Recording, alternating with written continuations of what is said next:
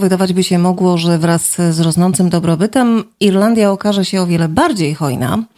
Jednak to, co wydarzyło się w zeszłym tygodniu, sugeruje, że daleko nam do filantropów.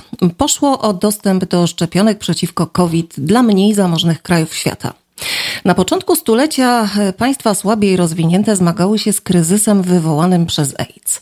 Nowe leki umożliwiały leczenie zakażenia wirusem HIV, jednak były zabójczo drogie dla krajów trzeciego świata.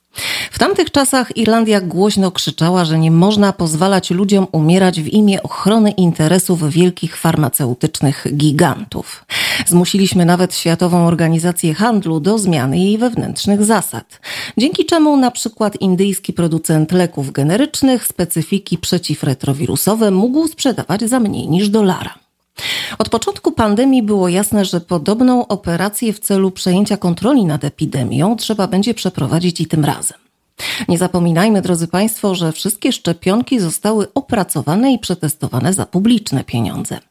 Na przykład Moderna od amerykańskiego podatnika otrzymała aż 10 miliardów dolarów. Pierwotnie obok nazwy własnej na etykiecie produktu umieszczono nazwę Narodowy Instytut Zdrowia.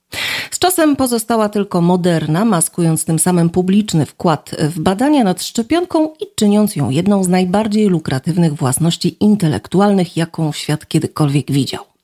Moderna odsprzedała szczepionkę rządom z 66% marżą. Aktualnie koncern jedną dawkę szczepionki sprzedaje średnio za 21 dolarów, podczas gdy jej generyczna wersja mogłaby kosztować jakieś 3 dolary. Zachodnie rządy, zawierając umowy z firmami, dochowały wierności zasadzie dajcie nam szczepionki, a my przymkniemy oko na wasze spektakularne zyski. Tak więc i tak zatem farmaceutyczni giganci w pakiecie otrzymali nie tylko palec, ale i całą rękę, co pozwoliło im położyć tę właśnie rękę na wielkich pieniądzach. Patrząc wstecz, jakie stanowisko w sprawie leków na HIV zajmowała Irlandia, wiemy na pewno, w którą stronę podąża nasz instynkt moralno-polityczny. Producenci leków generycznych w krajach uważanych za biedne poza samą recepturą powinni także otrzymać swobodny dostęp do diagnostyki i terapii. Nakłonienie WTO do zniesienia zasad w ramach porozumienia o handlowych aspektach dotyczących praw własności intelektualnej jest kluczem do rozwiązania tego problemu. Zwolnienie z praw własności zostało formalnie zaproponowane jeszcze w październiku 2020 roku przez RPA i Indię, dodajmy przy wsparciu stu innych krajów. Takiego rozwiązania chciała każda instytucja medyczna w Irlandii, każda międzynarodowa organizacja pomocowa. Domagał się tego Parlament Europejski i Komisja Spraw Zagranicznych Irlandzkiego Parlamentu. Dla branży farmaceutycznej jesteśmy jedną z najważniejszych baz w zakulisowych rozgrywkach, należałoby więc z tego atutu skorzystać. Pomocne w negocjacjach powinno być zaszczytne miejsce, jakie zajmujemy w Radzie Bezpieczeństwa ONZ, na które przecież zapracowaliśmy stając po stronie najsłabszych. A tymczasem, drodzy Państwo, wbrew oczekiwaniom własnego narodu, rząd bezwstydnie stanął po stronie gigantów farmaceutycznych.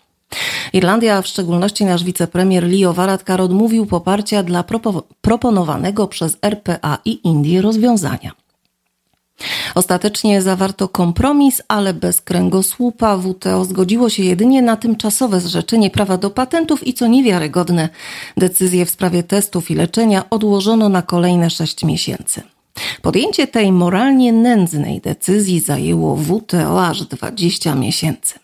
Z etycznego punktu widzenia jest to porażka, ale nasz wicepremier uważa, że negocjacje osiągnęły wynik pozytywny. Chyba tylko w kontekście testu na moralne tchórzostwo. Czy to przypadkiem nie jest cena, jaką płacimy za korzyści wynikające z faktu, że w Irlandii swoje siedziby i linie produkcyjne mają wielcy farmaceutyczni gracze jak Pfizer czy Johnson Johnson? Trudno wytłumaczyć odmowę Irlandii w zrobieniu tego, co wiemy, że jest ważne i słuszne dla świata oraz dla naszego wspólnego bezpieczeństwa bez przyznania, że zawarliśmy niepisany pakt z diabłem.